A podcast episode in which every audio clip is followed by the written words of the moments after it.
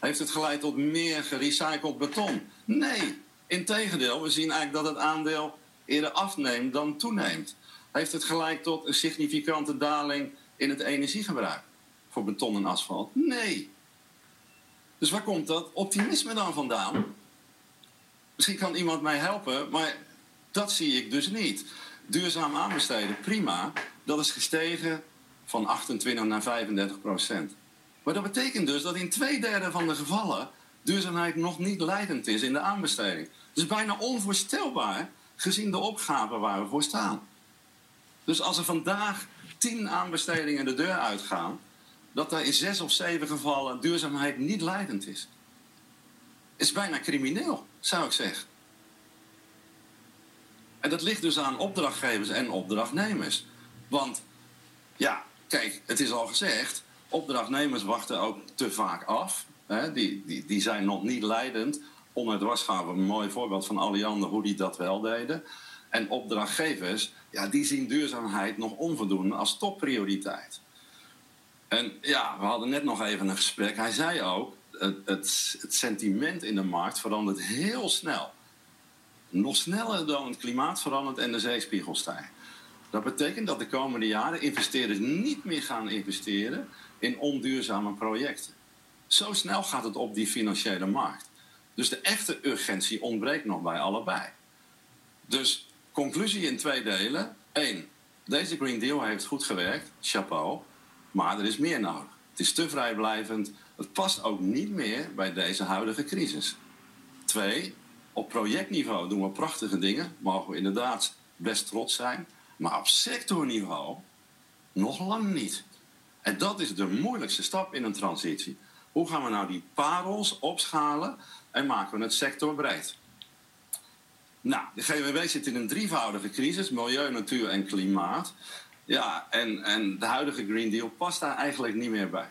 het moet minder vrijblijvend, het moet echt dwingender. Het dwingt ons tot een versnelde verduurzaming. Sneller, slimmer, minder vrijblijvend. Maar dat geldt voor elke sector. De tijd van vrijblijvendheid ligt echt achter ons. We hebben bijna 30 jaar verloren. We hebben niet gedaan wat we moesten doen. En daarom moet het nu dwingender. Hoe nu verder? Nou, ik heb een paar aanbevelingen meegenomen, die wil ik graag met jullie delen. Eén, ik weet dat er problemen zijn geweest afgelopen jaar. Het was sowieso een lastig jaar in corona. En ik weet dat een aantal partijen zijn eigen gang wil gaan. En dat er uh, nog geen concrete plannen zijn om door te gaan met deze Green Deal. En mijn oproep zou zijn: doe dat vooral wel. Ga nu niet stoppen. Want dan valt die sector weer uiteen, gaat iedereen zijn eigen ding doen. En dat is het laatste wat we kunnen gebruiken. Nu dreigt een versnippering. Een deel van de partijen wil namelijk inhoudelijke doelen, wil echt concrete afrekenbare doelen. Maar een deel van de partijen wil dat ook weer niet. Die wil wel samenwerken en dat stimuleren. Maar ja, niet te veel afrekenbaar. En een deel van de partijen wil zich richten op positieve impact. Nou, het laatste wat je moet krijgen is dat die sector niet meer gezamenlijk optrekt. Er is en blijft een overkoepelend initiatief nodig. Anders dreigt die versnippering en dan gaat het eerder langzamer dan sneller. Nou, langzamer mag en kan niet, want het is al een schildpad. Uh, dus ja, die zou dan stil moeten komen te staan. Uh, dus maak het concreter, maak het ambitieuzer. Hè, laat zien hoe het wel kan. Een van de dingen die je kan doen is zoveel mogelijk kennis delen en gevoel daarbij hoe je die parelprojecten en de leereffecten en de inzichten breder kan opschalen richting andere projecten in de sector. uh, mijn voorstel is formuleer een roadmap tot 2030. Mijn inschatting is namelijk, als je het niet doet en je gaat door op de huidige weg, dat je nog niet eens een derde van de doelstelling gaat halen. Zeker niet de helft. Dus formuleer een roadmap. Wat is het doel voor volgend jaar, over drie jaar, vijf jaar, tien jaar? Stel concrete doelen op voor CO2, beton en asfalt. Want dat zijn belangrijke dragers. En hoge ambities voor duurzaam aanbesteden. Onder was had het over wetgeving. Ja, ik heb al heel lang geleden geroepen, er moet een transitiewet komen. Vaak duurt dat vijf à tien jaar. Dus dan krijg je inderdaad een gestold verleden. Transities die, die werken meestal niet via wetten, maar via normen, sociale normen. Dus we hebben dat gezien ook, hè, bijvoorbeeld bij de transitie van roken naar niet roken. Dat ging niet zozeer via wetgeving. Maar dat ging via sociale normen. Op een gegeven moment werd roken onacceptabel gevonden. Dat deed je niet. En 50 jaar geleden rookten we bijna nog allemaal. Toen was het stoer en sociaal. En als je nu rookt, ben je een beetje een. Nou, eigenlijk moet duurzaam aanbesteden de norm worden.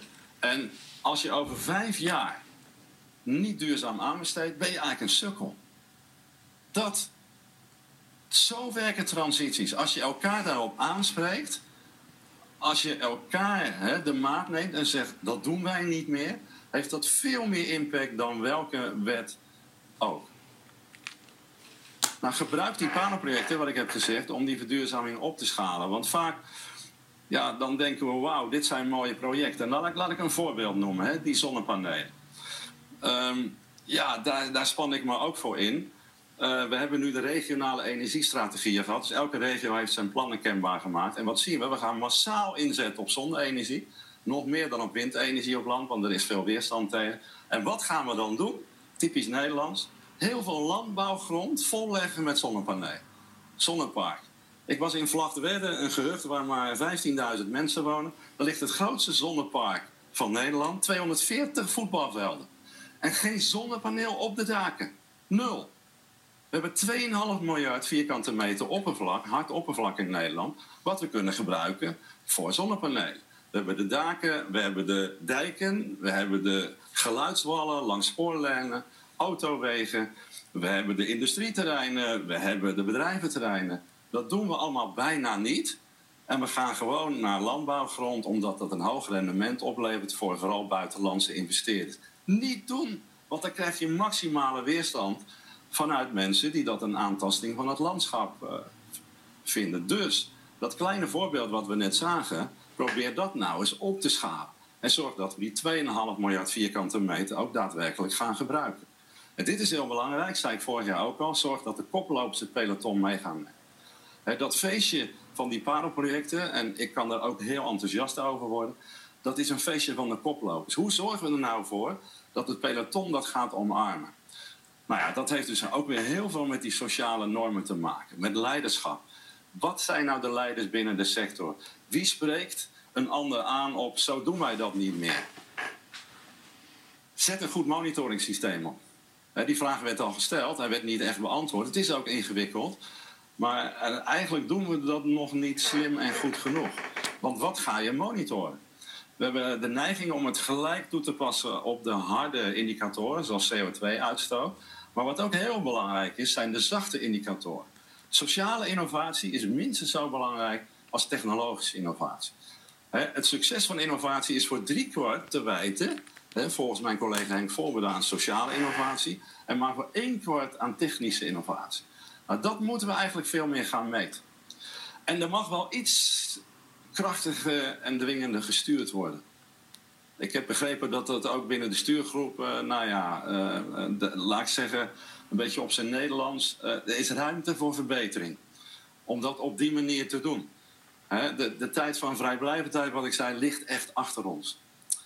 Mensen, jullie staan voor een formidabele opgave en ik ook. En ik heb ook afgesproken dat ik me daarmee blijf bemoeien de komende jaren. Ik wil graag een beweging wil ik aan gaan jagen in de bouw en ook in de GWW-sector om het te versnellen. Want vaak gaat het niet langs de gestaalde kaders van brancheorganisaties. Of, en die hebben we heel veel in de bouw, uh, honderden. Uh, het gaat ook vaak niet uh, via de, de gestaalde kaders van de partijen, de grote spelers. Vaak zijn het spelers van buiten die voor doorbraakinnovaties zorgen, of niet-spelers. Maar, maar jullie en ik, wij allemaal staan voor een enorme uitdaging. Wij kunnen geschiedenis schrijven. Wij kunnen onze kinderen en kleinkinderen uitleggen: wij hebben het gefixt. We kunnen ook zeggen, we hebben gefaald. Maar falen is geen optie, toch? Want dat kan ik niet uitleggen aan mijn kinderen en kleinkinderen. Dus laten we zorgen dat we met z'n allen geschiedenis schrijven. Dank jullie wel. Dankjewel, uh, Jan Rotmans. Uh,